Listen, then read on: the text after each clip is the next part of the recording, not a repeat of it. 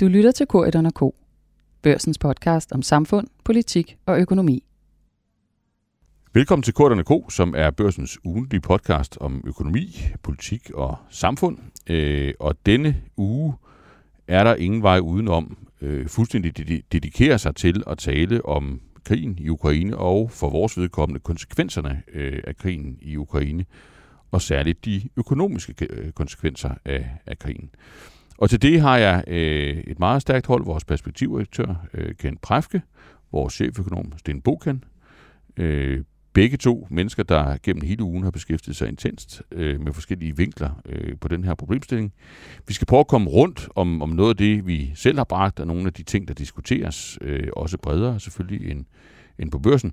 Og jeg kan jo sådan prøve at, at byde op til dans ved at lægge for med en, en påstand, nemlig at da vi sad her for en uge siden, og forsøgte at gøre, øh, gøre brættet op. Der var det kun Sten Boken og ikke Ken Prafke, der var, øh, der var med. Mm, der havde vi vel nok sådan en, en opfattelse af, at, at reaktionen på den her krig i, i realiteten, kynisk vurderet, var forholdsvis begrænset, når man så på, hvilke sanktioner øh, der var øh, på banen, og at de økonomiske øh, konsekvenser nok også ville være øh, relativt øh, begrænsede. Og der tænker jeg jo, øh, uden at være økonom, at, øh, at tingene har rykket sig meget, meget voldsomt på en uge. Altså, der er skruet meget væsentligt op, øh, både for den ukrainske modstand, for, for sådan vestens øh, politiske, øh, politiske fokus på virkelig at trække en, en streg i sandet her, og også for, øh, for, hvad der sker økonomisk. Og vi kan jo starte med at prøve at spørge jer, om I ser det nogenlunde på samme måde, og kende kan jo passende gå først. Når det gælder russisk økonomi, så er der i hvert fald ikke nogen tvivl om, at øh, det er meget, altså de, den seneste runde af sanktioner, og især også det med, at der er så mange øh, jo virksomheder, som på eget initiativ øh, har sådan selvpålagt, siger, nu vil vi ikke mere øh, være så aktive i Rusland, som vi var før, mm. at det kommer til at ramme russisk økonomi hårdt. Og det kan man jo også se på de på rublen for eksempel. Øh, så aktiemarkedet valgte at holde lukket hele den her uge, ikke? men mm. de, de få ting, altså de banker, der er handlet i på udenlandske børser er jo også øh, altså drejet helt vildt ned i, i værdi. Mm. Og der er jo stadigvæk mange af de her ting, vi, ikke, vi ved jo dybest set ikke rigtigt, hvor hårdt det rammer. Vi ved heller ikke helt præcist øh, alle sanktioner, og præcis hvad det betyder, det virksomheder har sagt osv. Men mm. summen af det hele er bare vildt, og mm. kommer til at gøre virkelig ondt på russisk økonomi. Vildt for Rusland.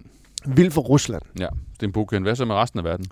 Knap så vildt, kan Knap man sige. Øh, dermed ikke sagt, at det er ligegyldigt, for det er det bestemt ikke. Der er dele af verdensøkonomien, som kommer til at blive hårdt ramt, udover sådan det tragiske, så også økonomisk. Øh, og øh, det er jo især knyttet an til, at, at nu har vi altså også begyndt at se nogle ret store reaktioner i råvaremarkederne. Og det er der, hvor Rusland og til dels også Ukraine spiller en stor rolle russisk økonomi er sådan på det globale plan ikke specielt interessant. På størrelse med? Ja, det kommer lidt an på, hvordan man måler den, men sådan 11. største økonomi i, i, i verden. Men man kan sige, at det, der gør russisk økonomi interessant, det er jo, at den står for en meget stor del af den globale olieproduktion og en meget stor del af den globale gasproduktion. Og der har vi begyndt at se nogle ret sådan øh, voldsomme reaktioner i priserne, øh, som følge af både øh, sanktionerne, men selvfølgelig også som følge af øh, den usikkerhed, der øh, generelt er opstået som følge af krigen. Og, og det øh, kan man sige, det vil få meget mærkbare effekter på dele af verdensøkonomien, men ikke nødvendigvis øh, sådan, at amerikansk økonomi af den her grund kommer ind i en krise, eller for den sags skyld, i hvert fald med de nuværende prisniveauer. Europæisk økonomi er på vej ind i en krise, men, men det vil være noget, som kan ramme nogle virksomheder hårdt, det kan også ramme nogle privatpersoner hårdt, og man skal jo så heller ikke glemme, at i tillæg til øh, de her energipriser, som øh, jo er steget voldsomt, så ser vi også en del fødevarepriser stige voldsomt, og det mm. kan jo ramme specielt nogle af de lande, hvor fødevarer spiller en stor rolle på den almindelige husholdningsbudget. Mm. Det vil jo så typisk ikke være europæiske lande, for øh, vi har også en masse andet, vi bruger penge på, men øh, så er der til gengæld nogle lande i Mellemøsten, som er meget afhængige af eksempelvis hvide, hvide import fra øh, Rusland og Ukraine, som kan blive ganske hårdt ramt, og hvor øh, fødevareforbruget spiller en meget større del, øh, eller en meget større rolle for, for husholdningernes øh, løbende øh, udgifter. Så øh, der er nogle ret store effekter på dele af verdensøkonomien, men Ja, man kan sige, det er jo typisk ikke, eller det er i hvert fald langt fra hver gang, at der er en krig, at vi også får en global recession eller mm. noget, der ligner det. Og mm. det tror jeg sådan set heller ikke, vi får i den her omgang. Men mindre det eskalerer yderligere, og det er jo så den usikkerhedsfaktor, der er. Ja, det vender vi lige tilbage til at, at, at trykteste dig på, men, men lad, os, lad os bare lige starte med, med, med Rusland, Ken Praffe. Vi skrev om, om sådan en mulig russisk statsbankerot i den, vi havde det ovenkøbet på forsiden. Da du sådan så bag om den nyhed og, og, og sådan vurderede, hvad der var på spil, altså er det, altså er det, er det et scenarie, man, man, man sådan seriøst skal, skal, det skal man selvfølgelig, når det står på forsiden af børsen, det er, det er klart, men, men, men hvad er det, du kigger på, når du skal vurdere, om det her det er noget, der, der eventuelt kan komme til at ske? Altså, øh, hvis man ser på, hvordan de, hvad de finansielle markeder tror, så må man sige, at en statsbankerot er en meget reel risiko. Øh, og det er jo i sig selv... Prøv lige at forklare, hvordan du, hvordan du aflæser det. Jamen, det er på for eksempel prisen, på, hvad, hvad russisk gæld handler til, hvad prisen er for at forsikre sig mod, okay. at de ikke betaler den udenlandske gæld, mm. øh, de har. Det, der jo er vigtigt i forhold til diskussionen om statsbankerot, er, at Rusland har jo sin egen valuta, og hvis Putin gik ned i centralbankens kælder, så kan han lave så mange rubler, han har lyst til. Mm. Hans problem er, at noget af hans gæld er en anden valuta, valuta, og den kan han løbe tør for, så på et tidspunkt kan han ikke betale Nej. den udenlandske øh, gæld, øh, der er. Og, og der må man sige, en ting er statsbankerot, men det der virkelig er øh, interessant i sådan tilfældet omkring Rusland, og med alle de sanktioner, der er kommet, både mod banksystemet, øh, og der er kommet mod centralbanken, er, at de bare, altså de, de mangler dollars. Mm. De mangler simpelthen øh, valuta til at handle med omverdenen. Øh, ja. Og det er det, der er deres store problemer, som også kan komme til at, at give bankerot for, for andre selskaber, som har svært ved at betale deres, øh, den gæld, mm. de måtte have rundt omkring, har svært ved at handle med, med omverdenen. Og ligger det i sanktionerne, altså de sanktioner, der er kommet til, siden vi sad her for en, en uge siden, at man at det der med at få, altså at få, få dollars i hånden og handle med dem er blevet sværere?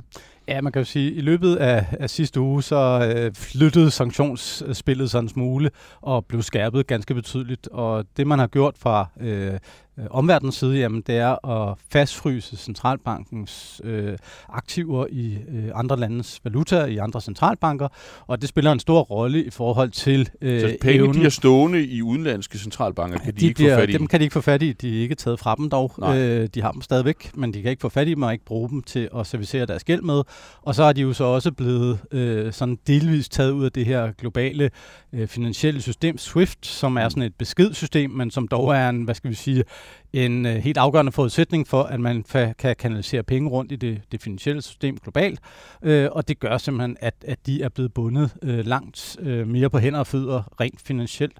Og det er jo det, der gør, at øh, risikoen for en statsbankerot er gået fra at være høj til at være øh, ekstremt høj. Altså i øjeblikket, sådan her øh, fredag eftermiddag, så indprises der noget, der ligner en, en 65 procent sandsynlighed for en statsbankerot. 65 procent kan man simpelthen ja. beregne på baggrund af de faktorer kendte. Altså det er jo, man har jo man har kreditforsikringer, øh, altså man kan forsikre sig mod øh, konkurs, og så kan man så at sige på prisen på den, kan man så regne ud, hvad er så at sige øh, markedets øh, øh, sandsynlighed for, at øh, de går statsbankerot. Og der er vi altså op på 65 procent. Så det må man jo sige, i praksis så øh, er øh, øh, Rusland på, på godt på vej den vej. Vi bliver klogere i løbet af den, den kommende måned.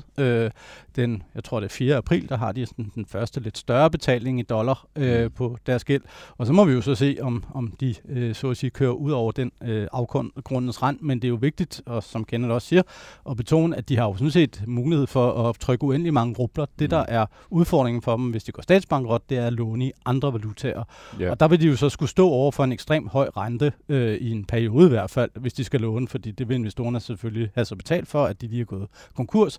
Men det er jo ikke uhørt, at landet går konkurs. Det er også vigtigt at sige. Øh, altså, vi skal jo ikke mere end, end 20 år tilbage, så, så gjorde russerne det sidst. Øh, og, øh, Men prøv lige at hjælpe os med at forklare, hvad der sker, når et land går konkurs. Altså, hvad, hvad I også måske mere præcis den russiske case. Hvad sker der dagen efter, at, at Rusland øh, ikke har betalt øh, deres øh, rater på, på de her obligationer, og derfor må erklæres statsbankerot. Ja, så er der nogle af dem, som har obligationerne, der bliver lidt ked af det. Ja. Øh, de får ja. ikke de penge, som, øh, som de gik og troede, de skulle have. Det vil ja. sige, at der er nogle tab, der skal placeres. Det kan så være, at de selv tager dem, eller sender dem videre, forstået på den måde, at hvis de har forsikret sig mod konkurs, jamen, øh, så kan de så få pengene ind af den vej. Øh, men helt grundlæggende set, jamen, så er der nogle tab, der skal placeres i det finansielle system, og øh, det øh, gør, at øh, der kan opstå øh, finansiel usikkerhed. Det gør, at øh, når russerne skal låne penge næste gang, så bliver det til meget høje renter. Øh, men det er ikke sådan, at øh, russerne ikke vil kunne låne penge sådan de næste 20-30 år. Altså, øh, der er løbende lande, der går statsbankerot. Øh, det er ikke uendelig mange år siden, at Venezuela gik statsbankerot. Argentina har gjort det også. Rusland, som nævnt, øh, Thailand tilbage i 98. Så øh, det sker med, med jævne mellemrum, og, og de lande kører jo videre. Øh, det er jo ikke sådan, at øh, når man går statsbankerot, at, øh, at landet bryder sammen. Mm. Øh, det gør det jo ikke. Øh, men man kan sige, at øh, finansiering af statsgælden bliver, bliver vanskeliggjort. Ja. Men, men Ken Pafke, altså hvis man forestiller sig, at, at, at Rusland så stod i den situation i løbet af den kommende måned, altså hvad, hvad ville være sådan den indrigsøkonomiske øh, situation for, det, altså for landets borgere, for landets erhvervsliv, øh, for landets regering? Altså, det, det de jo står øh, overfor øh, lige nu, er for det første, at det kan blive svært at få fat i ting fra øh, udlandet sådan helt generelt, fordi dels er der nogle banker, der ikke længere må øh, lave transaktioner med udenlandske banker. Mm. Der er en masse virksomheder, som har sagt, de ikke vil øh, øh, handle med russerne. Så står de over for en i forvejen ret høj inflation. Mm.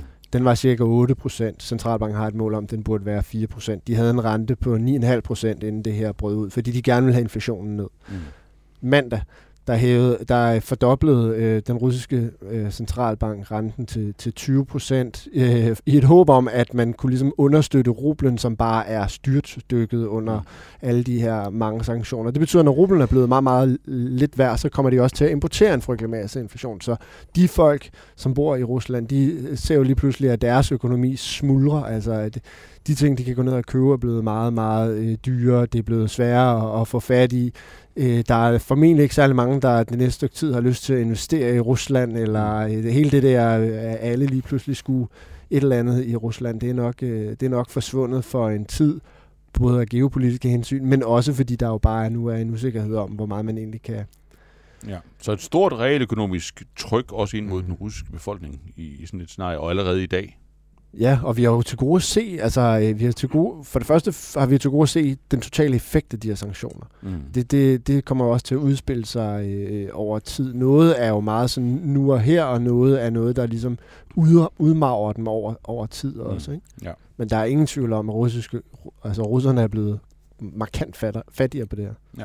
Men det er måske også værd at tilføje, at man jo så samtidig har strikket sanktionerne sammen, sådan at det jo ikke er den helt store bazooka, man har kørt i stilling. Mm. Altså man kan sige, man adresserer centralbanken, man adresserer dele af russisk økonomi, men man køber stadig gas og olie, mm. i hvert fald gas især. Øh, og øh, det giver jo altså stadigvæk valuta ind ad døren hver morgen, når russerne står op.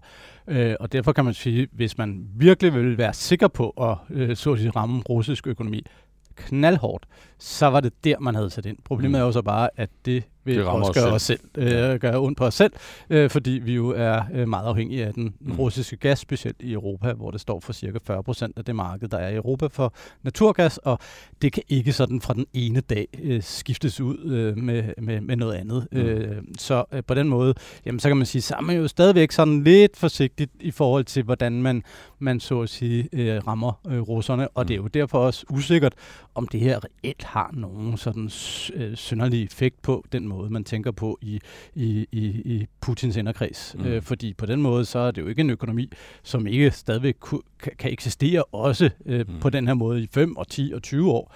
Vi skal jo ikke glemme, at, at øh, de er jo vant til sanktioner. Mm. Øh, det fik de jo også i nakken, da, da de annekterede Krim. Øh, det fik dem jo ikke til at være. Nej. Men man har jo drøftet, øh, altså i, øh, også i den forgangne uge, det her spørgsmål om, altså om, om de, øh, det er jo så ikke sanktioner, men, men men konsekvenser, som private virksomheder drager af situationen, i virkeligheden rammer Rusland hårdere end, end de sanktioner, der indføres af politikere. Hvad, hvad er jeres vurdering af det spørgsmål? Det rammer i hvert fald øh, jo de almindelige russere på en anden måde end det, at man indefryser øh, centralbankens øh, mm. øh, valutareserve i udlandet, eller at der er nogle banker, der ikke øh, kan være med i, i det SWIFT-samarbejde, øh, mm. eller at nogle oligarker for at indefryse deres penge i Europa. Ikke? Så på den måde bliver det jo du, du kan ikke købe en iPhone og så videre, så kan man sige, hvor stort, det, hvor stort tab er det øh, nødvendigvis, men det er jo bare summen af de mange virksomheder, som har sagt, at de ikke vil handle mere, eller de begynder at neddrosle deres produktion. Det betyder jo også, at det bliver sværere for nogle russere at få et sted at arbejde. Mm. Øh, og det er jo, så, så på den måde er det, det synes jeg, at det er summen af det, der er betydningsfuldt, og så er det det her med, det, det rammer jo altså meget direkte ned i, hvad almindelige russere oplever. Mm. Godt. Lad os prøve at vende fokus om mod, øh, altså væk fra Rusland og, og ud mod resten af verden, og selvfølgelig i særdeleshed øh, Europa og, og Danmark. Øh, Ken Prafke, du skrev i, i ugens løb om sådan udsigterne for europæisk økonomi, og, og det fik du da også en, øh, en, øh, en overskrift ud af, øh, hvis sågar en forside, tror jeg. om øh, altså risiko for recession i, øh, i Europa. Ja, man kan, der er ingen tvivl om, at dem i omverdenen, der bliver umiddelbart hårdest ramt, det er Europa. Mm. Øh, som, som Sten nævnte, så importerer vi rigtig meget øh, gas øh, fra, fra russerne. Men man kan ligesom opdele konsekvenserne i, i, i flere forskellige spor, kanaler, effekter, måder det virker på.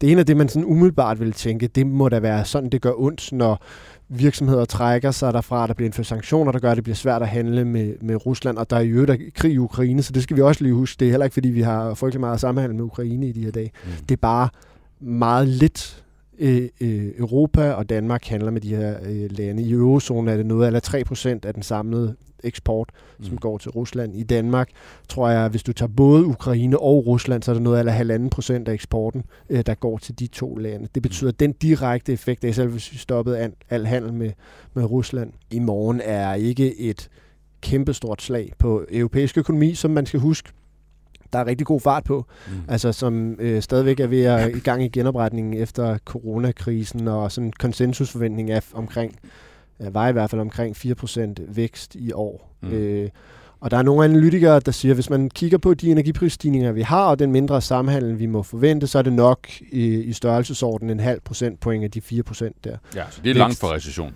Det er langt fra recession. Ja. Til gengæld, så øh, er risikoen af de her, øh, hvis vi går en, en uge tilbage og havde kigget på, hvordan energipriserne var der, og så går en uge frem og ser på, hvordan de er nu, mm. så er der jo virkelig sket meget, og vi ved ikke, øh, hvad der kommer til at ske, men bliver energipriserne og råvarepriserne ved med at stige, så udhuler, så gør det, det meget dyrere for virksomhederne i Europa at producere ting.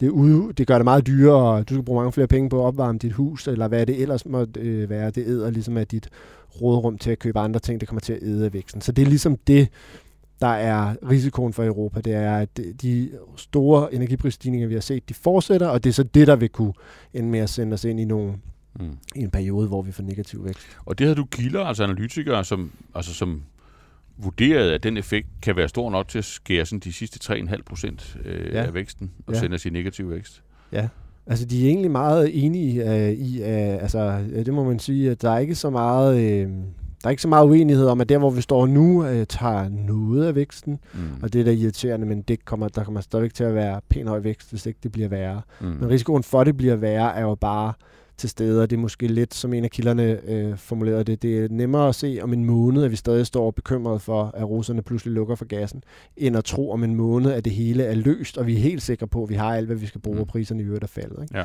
Så det er, det, er en, det er et risikoscenarie, men også et, et reelt risikoscenarie. Ja.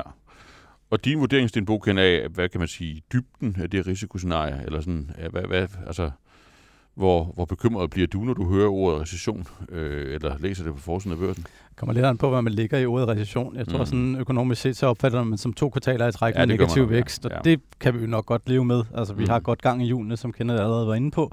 Spørgsmålet er selvfølgelig, om det er noget mere blivende, og der er mm. grund til at være, øh, hvad skal vi sige, bekymret, men ikke sådan i mine øjne nødvendigvis øh, alarmeret. Altså, mm. øh, så sårbar er europæisk og amerikansk økonomi dog trods alt heller ikke. Men, mm. men det er klart, at det her det er en kæmpe udfordring, at vi øh, ikke, specielt når vi taler gas, rigtig har nogle substitutter. Olie, øh, der er det lidt noget andet. Der er lidt bedre muligheder for at udvide produktionen i dele af, af verden, øh, og, og derfor så, øh, så kan man sige, så er olieprisen heller ikke helt lige så øh, eksplosiv øh, som, som gasprisen. Øh, men man kan sige, det er klart, at det, det her det, det giver nogle udfordringer. Man skal så dog også huske på, at der jo det her også kommer til at være et, øh, et politisk modsvar, mm. øh, når øh, så at sige, øh, den her krig øh, ligesom skal sætte sig i den økonomiske politik, så betyder det øgede udgifter, mm. øh, og det er øgede udgifter i Europa til militær. Mm. Øhm, det kommer der givetvis til allerede at være i år, og endda betydeligt løft, vil jeg gætte på i mange lande. Og så er den her flygtningekrise jo heller ikke gratis. Altså, vi skal jo også finde en, en måde at få x antal millioner ukrainere ind i øh, resten af Europa. Mm. Øh, og det er der også nogle offentlige udgifter knyttet til, som sandsynligvis vil blive finansieret via øh, gældstiftelse sådan på den korte bane, og det vil sige et ekspansivt tiltag mm. i, i mange lande. Så, så man kan sige, det skal man også lige have med i den her ligning. Øh, når øh, sådan, hvad skal vi sige, grundscenariet er, at det her det er dårligt for væksten, og at der er en potentiel risiko for krise, skal man også bare lige have med i, i at der jo formodentlig også kommer en ekspansiv finanspolitisk reaktion, og så måske også en lidt mindre kontraktiv pengepolitik, end det, der ellers ville være lagt op til. Ja, fordi hvis vi lige øh, stempler øh, ind der, altså hvad forventer I, øh, hvad forventer I, at, at beslutningstagerne vil gøre? Altså både øh, øh, finansminister rundt omkring i Europa, centralbankchefen Lagarde, øh, måske i det også lidt bredere billede, end, end, altså er, er Stens beskrivelse rimelig? Kommer de til at bruge nogle flere penge, låne dem, øh, føre de facto ekspansiv finanspolitik i endnu en runde, udskyde de rentestigninger, øh, som ellers, øh, der, der sådan var lagt op til, eller hvad? Altså, det er i Hvad hvert ser fald, du i kortene? det er i hvert fald den, vej- nu nævnte du ret mange ting der, men det er i hvert fald ja, den ja, vej, ja, du må øh, gerne tage vinden-. Det vinden er- blæser, ikke? Ja. Altså, som, øh, som Sten siger, så er signalet mere, at politikere har lyst til at bruge flere penge, Mm, end at de vil bruge færre penge. mm, Øh, man må også sige, der var sådan en, øh, øh, så kan vi, hvis vi bare spoler tiden øh, en måneds tid tilbage, så var der jo lige pludselig en forventning om, at Europa skulle have meget højere renter øh, allerede i år. Altså centralbanken måske skulle skynde sig lidt mere med at stoppe det opkøbsprogram, der stadig kører, at vi skulle øh, have højere renter, øh, simpelthen fordi vi, inflationen havde bidt sig mere fast. Altså det er altså kun en måneds tid siden, vi, Mm. vi snakkede om det. Og nu er det billede ændret sig ret meget, fordi vi får den trods alt negative væksteffekt, og vi har den usikkerhed fra Rusland, som vi har øh, som gør, at øh, igen, hvis vi i stedet for selv at gætte, så kigger på, hvad markedet gætter på, Mm. øh, så de to renteforholdelser, der ligesom var indpriset øh, for Europa øh, for et par uger siden, de er næsten væk. De er næsten væk. Øh, de er næsten væk. Der I er, markedsforventningerne. Der, I markedsforventningerne. Der kan måske komme en lille øh, renteforhøjelse sidst på året. Ikke? Mm. Mm. Men de er udskudt til 2023, så det betyder også, den måde markedet ser på det er, at det her er kortsigtet, noget der udskyder Mm. øh, øh, opsvinget, eller en- del af det opsving der, og, og, og i 23 kommer de så, ikke? Mm. Øh, i stedet de, de par renteforholdelser. Men, men, forventer I dermed, at, at, der vil, altså at, at USA og Europa i virkeligheden kommer til at gå to forskellige veje? Fordi der er vel lagt op til, at de amerikanske renteforhold så stadigvæk Ja, helt klart. er på blokken, ikke? Jo, helt klart. I en helt anden grad. Altså man kan sige, selv i USA er det jo helt ekstremt. Altså mm. igen, der var forventningen, konsensusforventningen øh, øh, var og er til del stadigvæk, at øh, Øh, Fed-chef Powell han vil hæve renten på hver eneste møde resten af det her år. Ikke? Mm. Og der er måske taget toppen af det. Altså, der var spekulationer om, om han kunne finde på at hæve renten med et halvt øh, procentpoint øh, på det møde, som øh, øh, de har lige om lidt. Mm. Øh, fordi inflationen er så mega høj i USA, øh, som den er. Det har han selv været ude at sige, at han hælder til øh, 25 øh, basispunkter, altså 0,25 procentpoint, så derfor er det nok ikke øh, helt dumt at gætte på det. Mm. Og, og der er noget mere usikkerhed på grund, af, på grund af Rusland, som måske har taget toppen af det, men der er ingen tvivl om, at banen for, at USA skal have højere renter, den er der stadigvæk, Mm. og markant højere renter. Ja. Men, men hvad så med, altså, hvis I så ligesom regner et led længere frem i, i ligningen, altså I forventer jeg øh, en mere, relativt mere ekspansiv europæisk øh, finanspolitik samlet set. I forventer jeg, øh, eller I kigger på markedet, og der, det forventer i hvert fald øh, en, en langsommere indfasning af rentestigninger. Men den europæiske inflation er jo stadigvæk øh, høj. Altså er I, altså, hvordan er analytikersynet på sådan en, en risiko for at, at, at, at køre ned i en klemme, hvor man har lavere vækst, men samtidig højere inflation, øh, og ikke rigtig er i stand til at gøre noget ved nogle af delene, øh, samtidig i hvert fald. Altså, er, er der sådan et stagflationsscenarie, som man skal tage alvorligt for Europa?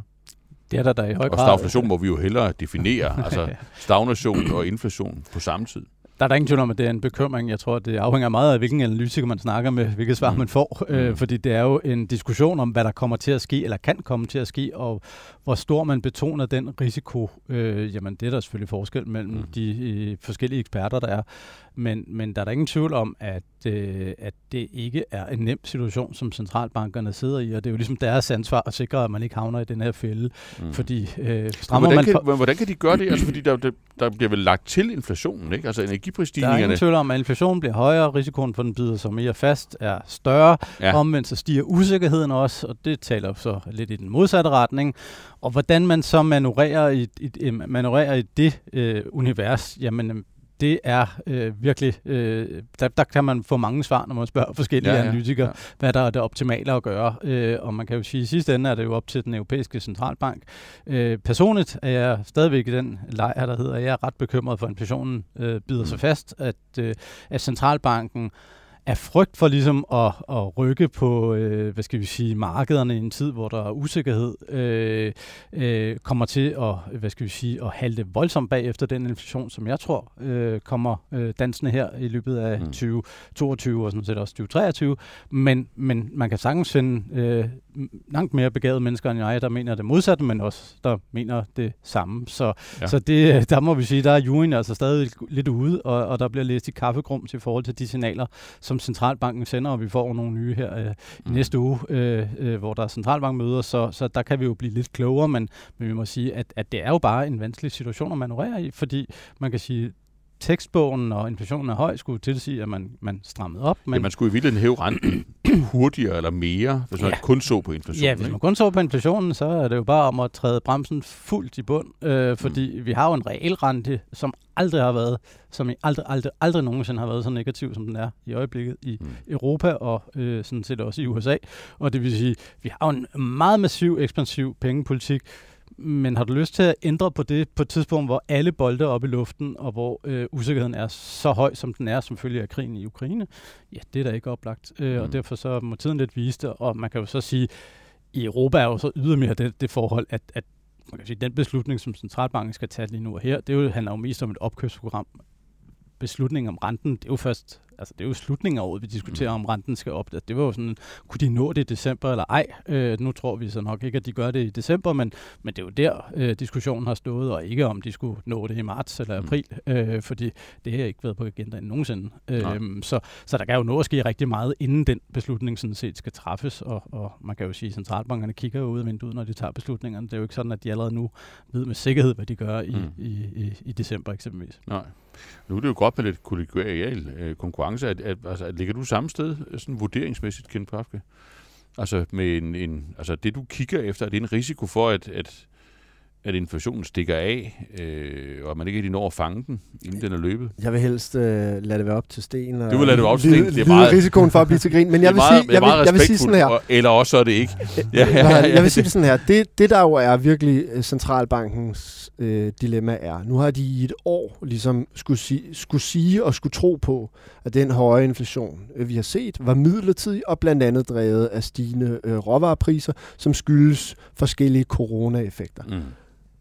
Så gik der et år, og så kom de ligesom til en erkendelse af, at det har nok bidt sig lidt bedre fast, end vi troede. Mm. Nu får vi så en ny impuls af nogle meget kraftigt stigende energipriser, som burde være midlertidige og, og ligesom hænge sammen med den konflikt, der er. Og nu skal de så måske endnu en gang sige, vi er tålmodige, vi tror, det går over. Mm. Og spørgsmålet er så, hvordan det ser ud om et år. Mm.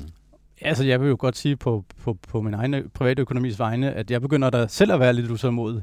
Mm. Og på et tidspunkt skal der, der forhandles noget løn med dig, og så tænker jeg, så skal det der afspejles. Det, er, øh, og det synes og jeg, vi skal gøre jo, for åben mikrofon, bare for det tænker jeg nemlig også. Ja, det, Men man kan jo ja. tænke, det er jo, den, det er jo den problemstilling, der er, at i takt med, at der kommer flere og flere af de her inflationsskabende elementer, som kommer udefra, bevares, fordi mm. det har de jo indtil videre gjort i Europa, jamen så er der jo flere og flere, der tænker, jeg skal da have en eller anden kompensation for det her. Jeg, jeg skal da ikke have, at min realløn år efter år skal falde med 2, 3, 4, 5 procent måske I en situation, hvor der er høj beskæftigelse. I en situation, hvor der er høj beskæftigelse. Mm. Og derfor så vil der da i min optik uundgåeligt være en bevægelse ind mod chefernes kontor, der siger, at vi vil have mere løn. Mm. Øh, og så har vi, at inflationen har bidt sig fast. I hvert fald hvis chefen siger ja, og det satser mm. jeg jo selvfølgelig benhårdt på, du gør. Ja, naturligvis. Ja, øh, men, ja. men man kan sige, jeg tror I også, at... I hvert fald for åben mikrofon. Ja. ikke mindst.